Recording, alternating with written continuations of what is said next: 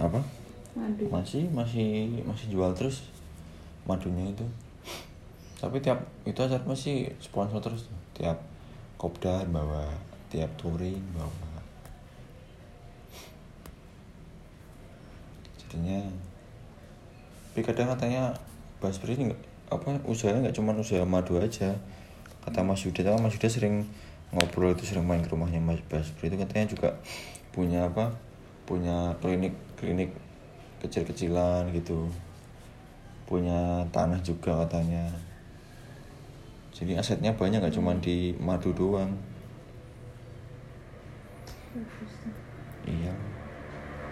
Saya kalau cuma madu doang tiap itu sponsor sponsor nggak kejual-jual malah sponsori terus. Makanya sekarang kalau apa bikin itu kan sponsor by itu apa madu 36 kedai lumbung